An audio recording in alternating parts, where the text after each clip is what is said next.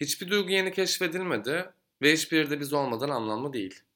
Bu yüzden burada yaşanacakların, anlatılacakların, çıkarımların her biriyle belki karşılaştın ya da günün birinde karşılaşacaksın. Çünkü sana olmadıysa bir başkasına muhakkak oldu. Bu hep böyle değil mi zaten? Her ne yaşarsak yaşayalım, bunun başkalarının da yaşadığını biliriz ama sadece biz yaşıyormuşçasına kabuğumuza çekiliriz.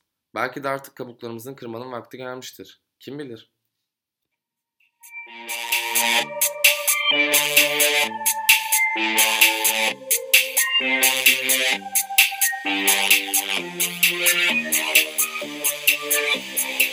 Thank you.